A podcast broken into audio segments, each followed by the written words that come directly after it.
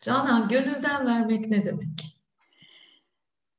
Gönülden vermek, Marshall'ın da söylediği gibi, yaşamımda istediğim şey şefkat.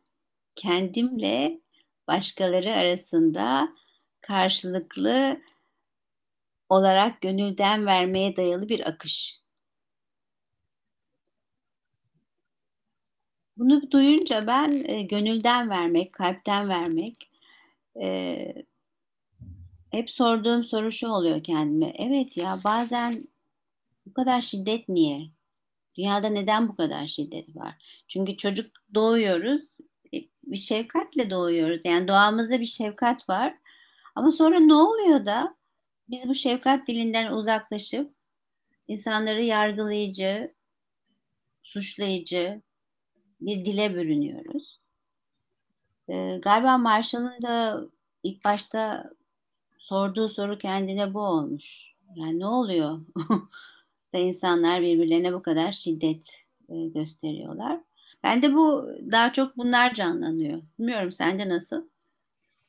Ya ben e, şeyden beri düşünüyorum bunu. E, Vivet'le aldığımız ilk yıllık programdan beri. 2014'tü galiba. İlk orada şeyi söyledi Vivet işte şiddetsizlik gönülden arıp, alıp vermeye dayalı şefkatli bir akışla başlar gibi bir laf etti. Tam hatırlamıyorum ama sonra da e, şey yaptık. Bir egzersiz yapmıştık. Ve ben, şey de egzersiz, gönülden vermediğiniz zamanları hatırlayın dediğinde ben böyle gönülden vermediğim 20 tane şey hatırlamıştım en az. Sonra şey dedi, gönülden verdiğiniz bir zaman hatırlayın dedi. Düşündüm, düşündüm, ay bir türlü, bir türlü aklıma gelmiyor falan. Sonra oradan benim farkındalığım şu oldu. Ben gönülden verdiğimde verdiğimi bile fark etmiyorum. Hmm. Yani öyle bir verme hali ki o. Aklında kalmıyor insanın. O kadar gönülden yani o kadar doğal bir doğal vermek sanki. Doğallık var içinde. Evet. Zaten natural giving diyor değil mi İngilizcesi? Doğal vermek yani. Gönülden verdiğinde sanki başkasının hayatını zenginleştirmekle ilgili bir şey. Yani başkasının hayatını sen senin hayatını nasıl güzelleştirebilirim diye bir şey var ya. Öyle bir şey ver, veriyorsun ve orada karşılığında bir şey beklemeden vermek. Bir utandığım için değil, suçluluk duyduğum için değil, korktuğum için değil de sana vermekten o keyif almak. Galiba burada en önemli şey o dediğin şey. O kadar keyif alıyorsun ki zaten en büyük şey o yani insanlar vermekten keyif alır diye temel prensiplerden birisi o şiddetsiz iletişim. Yani vermenin keyfini yaşamak gerçekten. O o şey güzel duygu. Evet yani öyle bir vermek hali ki aslında ben de alıyorum. Yani e, vermenin yaşattığı sevinci, mutluluğu, keyfi yaşıyorum. İşte ben hani demin sordun 2014'te ilk farkındalığım olmuştu. Sonra çok dikkat ettim. Hani ne zaman gönülden alıp veriyorum, ne zaman gönülden alıp vermekten çıkıyorum diye. O zaman da şeyi fark ettim. Gönülden alıp verme halinde doğallık ve katkıda bulunmak var. Öbür halde gönülden alıp veremediğim yerlerde hep ödül cezaya çıktı yolum benim. Hı hı e, şey demeye çalışıyorum. Hani gönülden alıp vermediğim yer ya ayıp derlerse ya da verdiğim yer aferin desinler diye. Bir takım böyle ödül cezanın e, bende koşullandırdığı şeyleri fark ettim ve Marshall'ın sözüne geliyor yine işte. E, bu da çok normal bir şey değil mi? Zaten okulda okula gidiyoruz çocukluğumuz okulda geçiyor. Hep bir ödül ceza üzerine sistem. Yani öyle bir şekilde büyüdüğümüz için ikisi de bu şunu yaparsam onaylanacağım, kabul göreceğim. Yapmazsam ceza alacağım diye ona göre iki farklı şeyde e, bu doğru ve yanlış yapmak, işte haklı veya haksız olmak. Yani burada hep Marshall'ın söylediği haklı ve haksız oyununa girersen hiç kimse kazanamıyor bu oyunu diyor. Yani doğru ve yanlışın ötesi hep aynı yere geliyoruz. Yani sen haklısın ben haklısın dediğim zaman birisi muhakkak bir bedel ödüyor. Yani burada herkesin ihtiyacının karşılandığı bir şey gönülden vermek. Hem benim ihtiyacım karşılanıyor hem senin ihtiyacın karşılanıyor. E, o zaman da e, bir akış oluyor. E, ihtiyaçlar iki tarafında karşılandığı zaman karşılıklık ihtiyacın da karşılanıyor yani orada bir denge oluyor. Öbür türlü bir taraf muhakkak bir e, bedel ödüyor. Ben çünkü çok iyi hatırlarım mesela e, evliliğimin ilk yıllarında eşimin e, eşimle gitmem gereken işte iş toplantılarına gönülden gitmiyordum yani. gitmem gerek yani meli vardı gitmem gerek bir e, eşin yanında işte çift olarak gidilir yanında durulur meliler malılar vardı kafamda ve oraya gittiğim zaman da surat asardım. Yani hem kendime bir bedel ödetip hem de eşime de bedel ödetirdim. Yani e, bu çok uzun zaman sürdü ki ne zaman ki ben onu fark eder, aa bir dakika ya ben ne yapıyorum diyene kadar zaman geçti. Böyle yapma, yaptığım çok şey var ve bildiğim tek e, strateji de surat asmak, karşı tarafı da rahatsız etmek yani surat asarak. e, o yüzden orada e, şiddetsiz iletişimin bu başlangıç noktası bu e, gönülden vermek ve herkesin ihtiyacını karşılayacak bir yol bul bulmak ve bunu da ifade etmekle ilgili giden o dört yol, e, dört adım yani ne algıladığın, ne hissettiğin, neye ihtiyacın olduğunu fark etmek e, benim için büyük bir devrim yani. Oh evet ya. Ve sonunda çok da zor bir şey değilmiş bunu bana. bunu daha önce bilseydim keşke. E, hayatım daha e, zengin olacaktı. Belki de eşimi de bu kadar sıkmayacaktım. Aynı şey onun için de geçerli belki. Böyle karşılıklı bir şey. E, dediğin gibi gönülden vermediğim birçok şey eskiden oluyorsa da şu anda 10 taneden belki bir tanedir. Yani gittikçe azalıyor. Şefkat kapasitem de artıyor. Ve bu çok doğal bir şekilde artıyor. Yani şaşırıyorum bazen. Aa diyorum ya. e, gittikçe e, o şey doluyor yani ve doldukça da insanın böyle bir e, Müvet de hep söyler böyle kalbi açılır, kalp kasların genişler, büyür. Evet orada bir esneklik oluyor. Böyle bayağı bir esnek bir hale gelmeye başlıyorum. O da kutladığım bir şey. Ya bu senin söylediğin e, dört adımla ilgisini ben e, son zamanlarda çok düşünüyorum. Bu gönülden alıp vermeye dayalı şefkatli bir akış dediği Marshall'ın şiddetsiz iletişimin kalbi dediği yer. Aslına bakarsan şiddetsizliği tarif ediyor. Ben böyle bir ara şey gibi düşünmeye başladım. Böyle bilmece gibi. Yani gönülden alıp vermeye dayalı şefkatli bir akış ve şiddetsizlik. Sonra şöyle olmaya başladı Canan. Aa evet. Çünkü düşünsene her ne yapıyorsak gönülden yapıp karşı tarafında gönülden aldığı, verdiği bir akış olduğunda hakikaten barış olur. Ee, ve kimse hiçbir şeye mecbur kalmadığında diş bilemez. Şeyi düşünmeye başladım. Peki bu nasıl mümkün? O zaman e, Marshall'ın hakikaten bu dört adımı çok basit ama yaşaması çok kolay değil.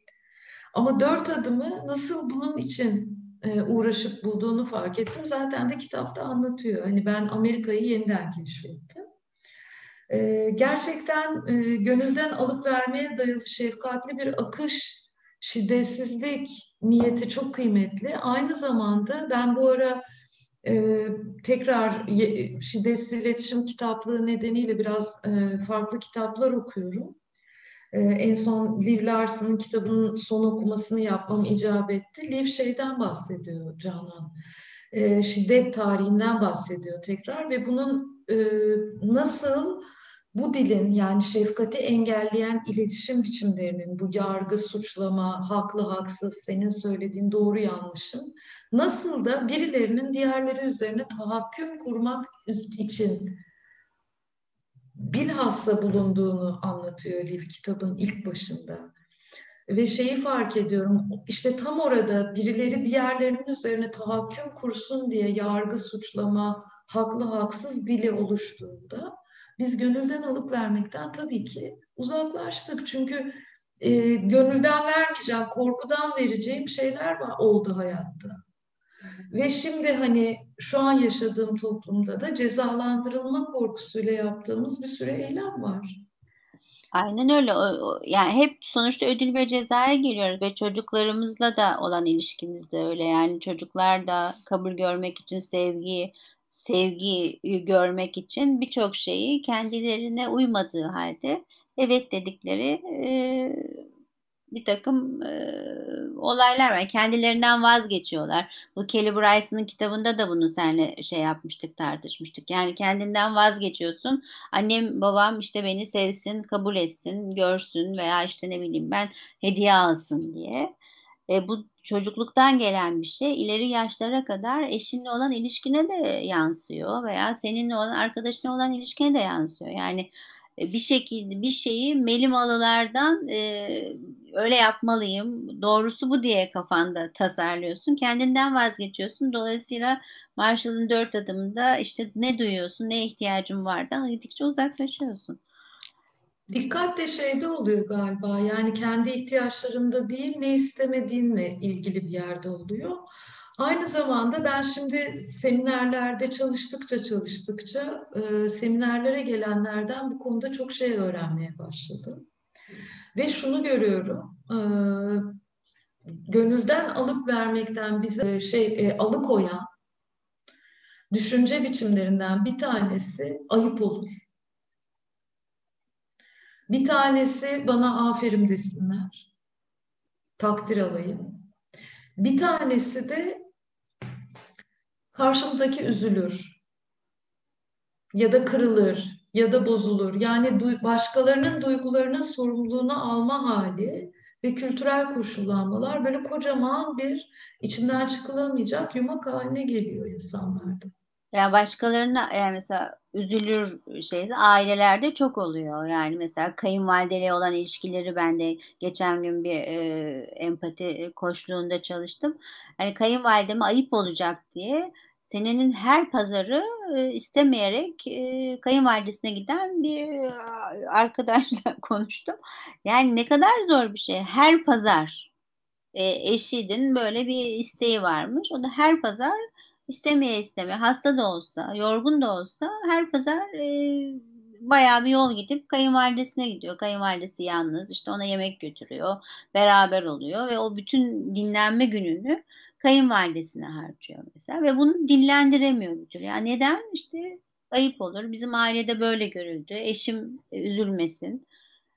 E, tamam da yani oraya gittiğin zaman peki bağlantın nasıl? Orada da girip mutfağa işte hiç onlarla konuşmadan kendi içinde bir şeyler yapmaya çalışıyor. Hem, hem kendine eziyet ediyor hem or oradakilerle bir şeysi yok. Yani bir keyifli bir durum yok. Yani, yani o, hep o keyfe getirmek istiyorum. Yani gerçekten keyif olarak bu verme şeysi bir şey veriyorsan ne kadar keyifli bir şey. Onun onu kutla. Ama öyle bir şey olmayınca da hiçbir anlamı kalmıyor. O yüzden hop dönüp ya evet kendini ifade etmek. Yani o zaman orada bir takım başka olasılıklar çıkıyor. Yani illa kayınvaliden her pazar gideceğine belki farklı bir olasılık çıkacak. Yani konuşunca.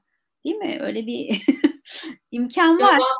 E, bambaşka şeyler çıkabilir. Bir de gerçekten isteyerek bir şey yaptığımda ben şeyi görüyorum. E, diğer insanlar da alırken çok daha ferah alıyorlar. E, çünkü istemeden yaptığım şeylerde zannediyorum bizim bedenimiz de birbiriyle iletişim içinde. İnsanlar da suçluluk duyuyorlar almaktan gelen ya da ya suçluluk duyuyorlar ya bir şey yokmuş gibi davranıyorlar. Hani bir takdir tam da akmıyor. Ee, ya da işte ay ben yük olmuyorum değil mi filan lafları duyuyorsun. Onun yerine gönülden yaptığımda insanlar da alırken mutlu oluyorlar. Ve insanların mutluluğunu görmek çok keyifli. Demin söylediğinde aklıma şey geldi. Düşündüm tabii ta, sadece benim kişisel düşüncem. Herhalde e, birileri annen böyle böyle yapmazsan annen üzülür diye yetiştirildiğinde oluyor bunlar. Öyle bir düşünce geldi. Çünkü çok yapıyoruz. Hani duyguların sorumluluğunu nasıl alıyoruz derken bence öğreniyoruz. Annen üzülür, baban bozulur, abin kızar, ablana ayıp olur, Yani hep birilerinin duygularından ben sorumluymuşum gibi yetiştirilmiyor muyuz? Ne diyorsun? O içinize sanki böyle hop birisi koymuş gibi, hap yutmuş gibi duran bir şey. Ben senelerce mesela annem e, uzun zaman Alzheimer olarak e, yaşadı 8 sene kadar. E, kendi evinde bir bakıcısı vardı ama hava mesela güzel olduğu zaman buramda hep bir suçluluk. Ha, annemi bir yere çıkarsam, işte gezdirsem, anneme uğramadım.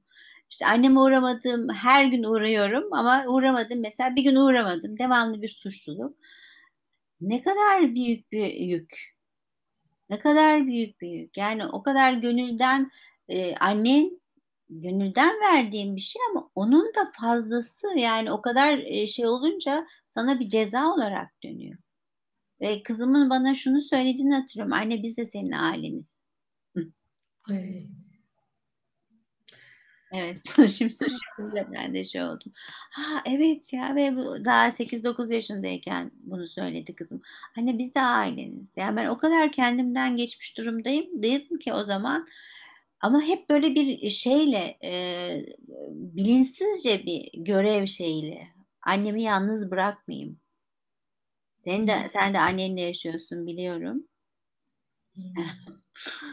Yani çok e, empatik mi dinliyorum yoksa şu an çok sempatik mi oldum çok emin değilim. Tekrar senin hikayene dönersem şey duyuyorum e, hani annen Alzheimer olarak yaşadığı dönemde hava güzel olduğunda şuranda nasıl bir ağırlık olduğunu ve nasıl suçluluk duyduğunu duyuyorum. Ve şimdi bunu hatırladığında merak ediyorum Canan. Şimdi ne hissediyorsun? Yani orada derin bir yasım var. Ee, tabii şöyle bir şey de diyorum. Keşke annem olsa her gün gitsem. Anneni özlüyorsun. Anneni özlüyorsun. Çok özlüyorum yani e, ama onu e, şöyle bir şey olurdu belki yani evet e,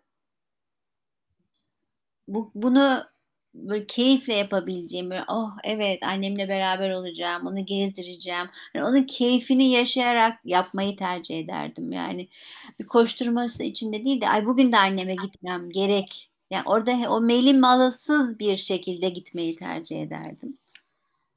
Bunun da yası geliyor galiba. Hani gönülden gidemediğin zamanlar oldu şimdi. Evet, onların yası geliyor. Evet, onların yası geliyor. Orada başka bir e, destek isteyebilirdim. Benim gitmediğim zamanlar abime söyleyip ya ben gidemiyorum, sen gider misin diyebilirdim. Hani orada sanki bütün şeyi de ben al, almak ister gibi, sanki annemin kurtarıcısı benmişim gibi bir hale de büründüğümü hatırlıyorum. Yani destek istemeyip çünkü böyle bu tarz e, şeyler yaşayanlar, hastalık yaşayanlar da ailelerde genellikle bir kişi ailede daha böyle bir e, öncü kuvvet oluyor.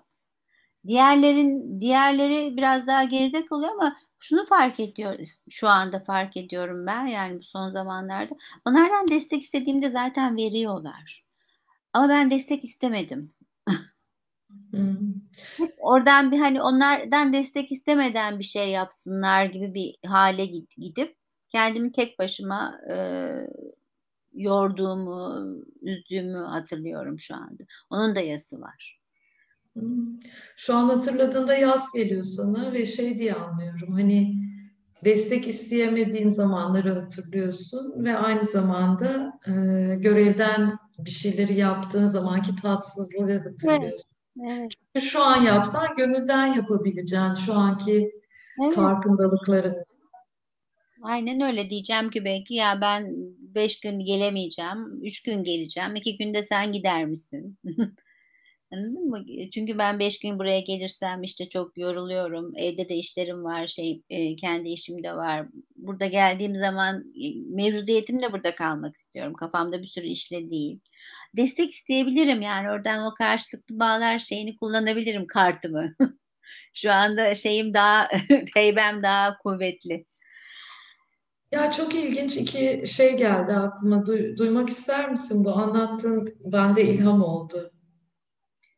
Ee, bir tanesi şey geldi aklıma yani Liv'in söylediği bir söz yine Liv Larson'ın suçluluk duyuyorsan e, birden fazla ihtiyaç karşılanmasıyla ilgili bir durum vardır ve sen bu, bu ihtiyaçlardan birinin daha önemli olduğuna inanıyorsun. Böyle bir şey söylemişti. Hatırlıyor musun? En az iki ihtiyacın karşılanmıyor. En az minimum iki ihtiyacın karşılanmıyor demiş. Evet ben de hep buna dikkat ederim. Evet e, ve bir tanesi daha önemli gibi bir şey e, düşünüp e, suçluluğu daha da derinleştirmek mümkün.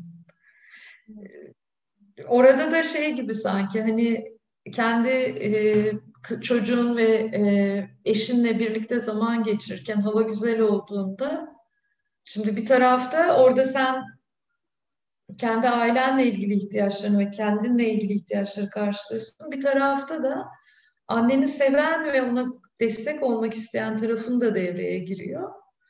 Ve böyle birden fazla ihtiyaç masanın üzerinde suçluluk düşünceyle tabii düşünceler de geliyor ve suçluluk duyuyorsun. Evet.